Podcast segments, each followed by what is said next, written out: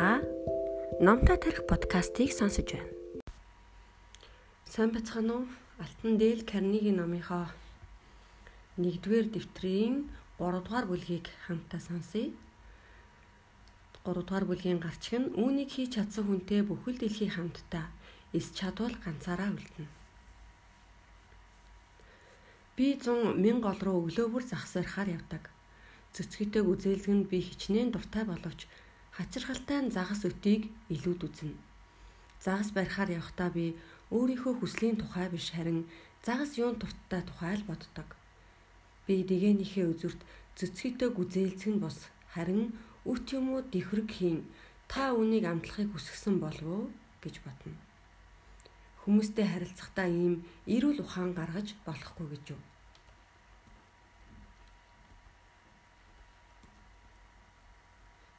Эллойд Жорж яг л ингэж байсан юм.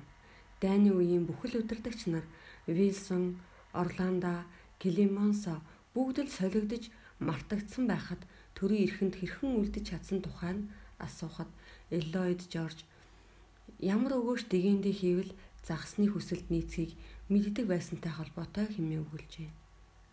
Өөрөө юу хүсэж байгаагаа эц төгсгөлгүй ярих юунд хэрэгтэй юм бэ? Энэ бол хүүхэд зан утгагүй зүйл. Хүн юуны өмнө өөрийн хүслээ сонирхно.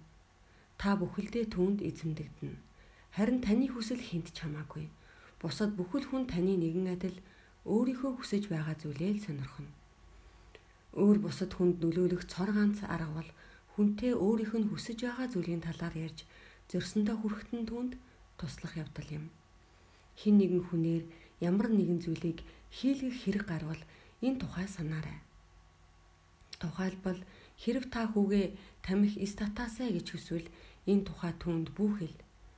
Түүнийг бүү сурга харин бейсбол тоглоход юм уу 100 метрийн гүйлтэд төрүүлэхэд нь тамхи саад болох юм а гэдгийг түүнд нотолж өгөх хэрэгтэй. Энэ тухай зөвхөн хүүхдүүдтэй төдийгүй тугал сармагчантай харилцахтай ч санаж байх нь зүйтэй юм. Ральф Волдо Эмерсон нэгэн удаа хүүгийнхээ хамт туглаа хаших гэж арга ядчээ. Тэд өөрсдөө юу хүсэж байгаагаа бодон гинтсэн юм. Туглыг Эмерсон араас нь түлхэж хүү урдаас нь чангааж байв. Тугал хөлөөрөө яг л тулж зогсчоод бэлчээрээс явах үнэнхүү дургүй байлаа. Зарц эмэгтэй тэднийг ажиглан зогсчээ. Тэрээр ном найруулал бичиж хидий чаддаггүй боловч туглыг Эмерсоноос түрүүн ойлгосон юм. Тэр эмэгтэй хурууга туглын аманд хийж хөхүүлээд өөрөө хашаа руу алгуур төгсөн гэдэг. Хүмүүсийн зам байдалд хэрхэн нөлөөлөх вэ номдоо профессор Гари бидний үйлдэл ихэвчлэн бидний хүслээс үүддэг. Хүн нэг бүрд өгч бол хамгийн сайн зөвлөгөө бол хүнийг ямар нэгэн зүйлийг хийхийг итгүүлэхдээ юуны өмнө түүнд үүнийг хийх асар их хүсэл төрүүлэх хэрэгтэй юм. Хин ингэж чадна тэр энэ дэлхийн сайн сайхан бүхнийг хүртэнэ хин үл чадна тэр ямагт ганцаардна. Цагийн 2 центийн төлөө ажиллаж амьдралаа эхэлсэн хожим нь 365 сая доллар бусдад тарааж өгсөн ядуу Шотланд залуу Эндрю Карниги хүмүүст нөлөөлж болох цорын ганц арга бол тэдэнтэй хүслийнхэн талаар ярих явдлаа гэдгийг эрт ойлгосон юм. Карниги ердөөл дөрвөн жил сургуульд явсан боловч хүмүүстэй харилцаж сурсан юм. Жишээ хэлье Эндрю Карнигийн хатам ихч хөвгүүдийнхээ төлөө ихэд санаа зовниж байв. Тэд өөр хотод байсан бөгөөд гэр орондоо ямар ч сураг өгөхгүй ихийнхээ сэтгэл төгссөн захиаг хайхрахгүй байлаа. Тэгээ Карниги захианда хариу бичгийг гуйхгүйгээр тэднээс хариу авч чаднаа гэж 100 доллараар мөрий тавьсан байдаг. Хин нэгэн хүн түүнтэй мөрийдсэн юм. Ингээд тэрээр зээ нартаа эрдийн захиа бичиж хүн бүрд 5 доллар илгээлээ гэж үгийн завсарт дурджээ. Гэхдээ захиандаа мөнгө хийгээгүй байна. Ингээд Зэнар нь хариу захиа ирүүлв. Өвөөмөр аавгахаа химэн захиагаа эхлүүлсэн байж. Тэдний юу бичсэнийг үүсэж та бүхэн ойлгож байгаа гэж найдаж байна. Та нэгэн хин нэгэн хүнээр ямар нэгэн зүйл хийлгэхийг хүсвэл юуны өмнө өөрөөсөө үүнийг хийх хүслийг би энэ хүнд яаж бий болгох вэ гэж асуугаарай. Ингүүл та эргцүүлэн бодоогүй яаруу шийдвэр гаргахгүй болно. Би жил бүр цуврал лекц уншихын тулд Нью-Йоркийн аль нэг зочид буудлын бүжгийн залыг 20 үдэш хөлсөлдөг байлаа. Нэгэн удаа надад ердийнхөөс 3 дахин илүү тим төрөөс төлөхийг мэдгдсэн юм. Энэхүү мэдээллийг би лекцийн бүхий л билетийг хэвлүүлж тарааж зардал гаргасны дараа хүлээж ав. Би илүү өндөр төрөөс төлөхийг хүсээгүй нь мэдээч хэрэг. Зочид буудлын эзэнтэй өөрийнхөө хүслийн тухай яриад ямар ч ашиггүй лээ. Тэдэн зөвхөн өөрсдийнх нь хүсэл чухал биш үү? Хоёр хоногийн дараа буудлын эрхлэгчтэй ярилцахаар шийдэв. Таны захийг аваад би баг зэрэг гайхлаа. Гэхдээ би таныг юр буруутгаагүй. Хэрв би таны оронд байсан бол мөн л иймэрхүү захиа бичих байсан биз дээ. Буудлын эрхлэгчийн хувьд таны гол зорилго бол ашиг олох явдал. Хэрв та түүнийг огоорвол таныг ажлаас нь халах болно. Хэрв та түрээсийг нэмэгдүүлбэл таны хувьд ямар ашиг гарах, ямар хохирол учрахыг тооцож үзье гэж хэлсэн юм. Би шуудангийн хуудас аваад голоор нь босоо шугам татаж эхний багныг ашиг, хоёр дахь багныг хохирол гэж гарч ирлээ. Эхний баганд би бүжгийн заал чөлөөтэй гэж үчээд өөрийн бодлоо цааш нь үргэлжлүүлв. Хэрв бүжгийн танхим сул танхимыг суллаж авбал Түүнийг үдэшлэг хурлын зориултаар хөлсөж болох бөгөөд энэ нь тэнд ашигтай байх нь мэдээж. Энэ тохиолдолд лекцэн зориулж ашигласнаас илүү хөлс танд төлнө л дөө. Хэрэг би таны танхимыг улирлын туршид 20 оройд эзэлбэл та ашиг олох зүйлээ алдаж болно. Одоо та танхимын түрээсийг нэмэгдүүлснээр өөртөө ямар хор хүргэж болохыг үзье. Нэгдүгээр та миний лекцээс олох ашигаа нэмэгдүүлэхийн оронд түүнийг хоргодуулах гэж байгаа юм. Таны хүссэн хэмжээгээр би төтөлж чадахгүй. Би лекцээ өөр газар хийхэд хүрч байна. Өөр нэг ашигтай тал бий. Миний лекц танай будалд боловсрал соёлтой олон хүнийг цуглуулж байна. Энэ бол таны хувьд сайн сурталчилгаа гэдгийг та зөвшөөрнө. Та бодоод үзтээ 5000 доллар зараад ч та ийм олон хүнийг буудалдаа татаж чадахгүй л болов уу?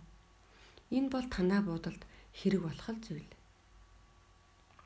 Үүнийг би хоёр дахь багнад бичээд эрхлэгчэд гардуулж өгөхдөө би таны асуудлыг хоёр талаа талаас нь сайтар тунгаан бодоод надад эцсийн шийдвэрээ өгөөсэй гэж хүсэх байна гэж хэлв.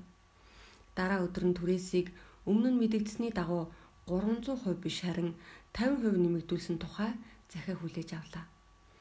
Би өөрөө юу хүсэж байгаа тухай нэг ч үг хэлэхгүйгээр ингэж бууруулж чадсныг анхаарсан биз дээ.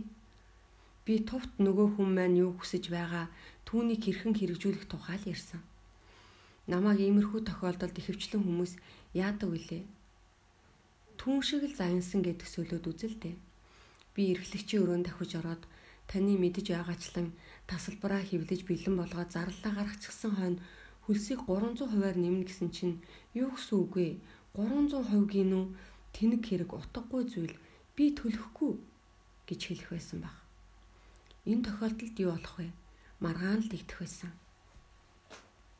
Маргаа ихэвчлэн яаж төгсдгийг та мэдэн шүү дээ. Би эрхлэгчэд түүний зөв биш болохыг нотолж чадлаач тэрээр бардам зангаасаа болж өөрийнхөөрөө зүтгэсээр л байх болно. Хүмүүстэй сайн харилцаатай байх амжилтын нууц нь асуудлыг бусдын үүднээс авч үзэх. Түүнийг өөрийнхөө болон өрөөглийн ашиг сонирхлын аль элнийг нь харгалзан шийдвэрлэх чадварт л оршино. Генри Форд л ингэж ярих дуртай байсансан. Энэ нь хэний ч хувьд энгийн мэдээжийн зөвлөлтэй. Гэлээч энэ дэлхийн хүмүүсийн 90% нь үүнийг огордог юм. Ядарч туйлдсан бүтлгүүтэлтэй гайхаж тасарсан цалин багтаа мянга мянган худалдааны төлөөлөгч энэ тэнд босго илээж явдаг. Яагаад? Яагаад гэвэл үргэлж зөвхөн юу хүсэж байгаагаа л боддог тэдний юмыг таач тэр би ч тэр худалдан авахыг хүсэхгүй байна гэдгийг ойлгохгүй байгаа хэрэг. Хэрв бид хүсэж байсан бол очоод л авах шүү дээ. Гэвч бид бүгд л өөрийнхөө асуудлыг шийдэхийг сонирхдаг. Хэрв худалдааны төлөөлөгч түүний бараа бидний асуудлыг шийдэхэд тусалнаа гэдгийг харуулж чадсансан бол түүнд биднийг ятгах хэрэг гарахгүй юм. Бид түүний барааг авах байсан. Худалдан авахч өөрт нь бараа худалдаж байгаагаас бус харин худалдан авч байгаадаа л сэтгэл нь хандаг юм. Гэлээч олон хүн амьдралын туршид худалдан авагчийн бодлыг үл харгалзан худалдаа хийдэг. Би Нью-Йоркийн ойролцоох Forest Hills хэмээх хувийн байшингуудын багахан районд амьдардаг. Нэгэн удаа би станц руу яарч явахдаа Long Island гудамжнаа үл хөдлөх хөрөнгө олон жил худалдаалсан хүнтэй тааралдаж илээ. Тэрээр Forest Hills-ийг сайн мэдэх тул би түүнээс миний байшин юугаар баригдсан болохыг сонирхсан юм. Тэр мэдэхгүй байна гэж хариулаад надад хариу өгч чадах байгууллагын нэрийг хэлж өгөв. Миний сонирхсан зүйлийн талаар тэр маргааш өглөө нь хариу өгсөн гэж та бодож байна уу? Ердөөч үгүй. Тэр нэр дурдсан байгууллага руу уцтаад л минутын дараах хариу авч болох байсан. Гэвч тэр уцтаагүй. Маргааш өглөө нь надад ирүүлсэн захидалдаа миний сонирхож байгаа зүйлд хариу өгч чадах утасны дугаарыг бичээд хөрөнгөө даатгуулахыг надад санал болгосон юм. Надад тус болохыг оролдоогүй бөгөөд зөвхөн өөртөө туслахыг хүссэн нь мэдэгдэж байна. Хэрв та энэ номыг уншаад бусдын үзэл бодлыг ямагт харгалзаж байх шаардлагатайг ойлгож авсан бол өөрийнхөө амжилтанд эргэлзэх хэрэггүй. Нэгэн оюутан нялхуугийнхээ төлөө санаа зовниж байв. Хүүн сул биетэй хоолн дургүй. Эцэг их нь ердийн арга хэрэгэлдэг байв. Тэд өглөж загнадаг. Дараа нь ээж нь чамааг үүнийг идээсэй гэж хүсэж байна. Аав чинь чамааг бэр чадaltaа том болж өсөөсэй гэж боддог хэмээн гуйж эхэлдэг хүүн эцэг эхийнхээ гуйлтыг анхаардаг байсан гэж үү? Та нар далайн эргийн ганц ширхэг элсийг хэр анхаардаг вэ? Тэр л хэмжээгээр.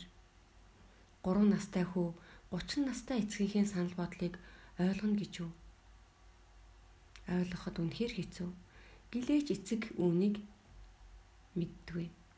Эцсийн эц тэрээр энэ нь утгагүй зүйл болохыг ойлгож хүү юу хүсэж байна?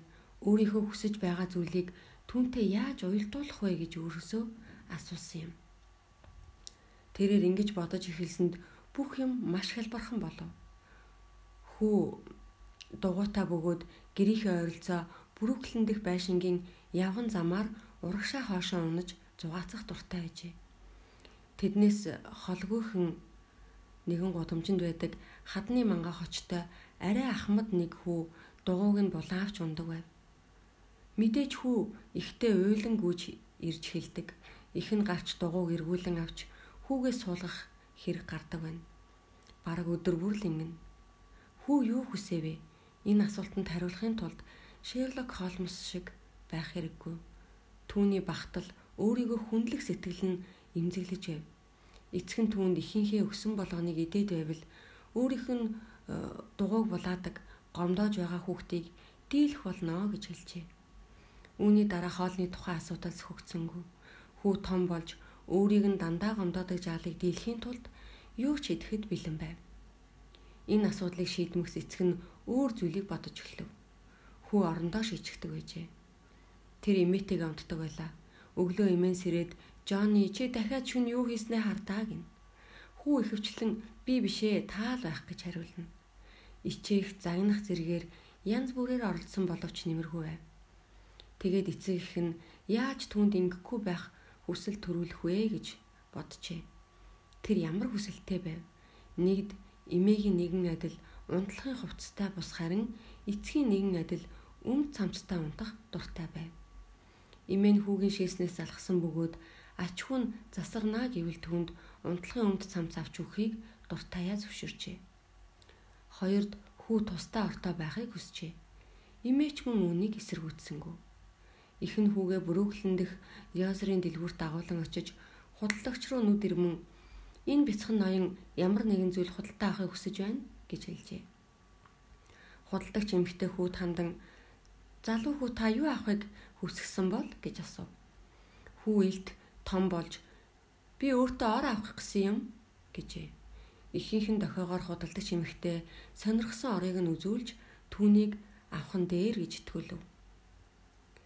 Дараачийн өдөр ор хүргэгдэн иржээ. Эцгийгээ ирэхэд хүү аава аава дээшээ гарч миний худалдаа авсан орыг үзээч гэсээр өгтөв. Эцэг нь орыг үзмөрт магтаж эхлэв.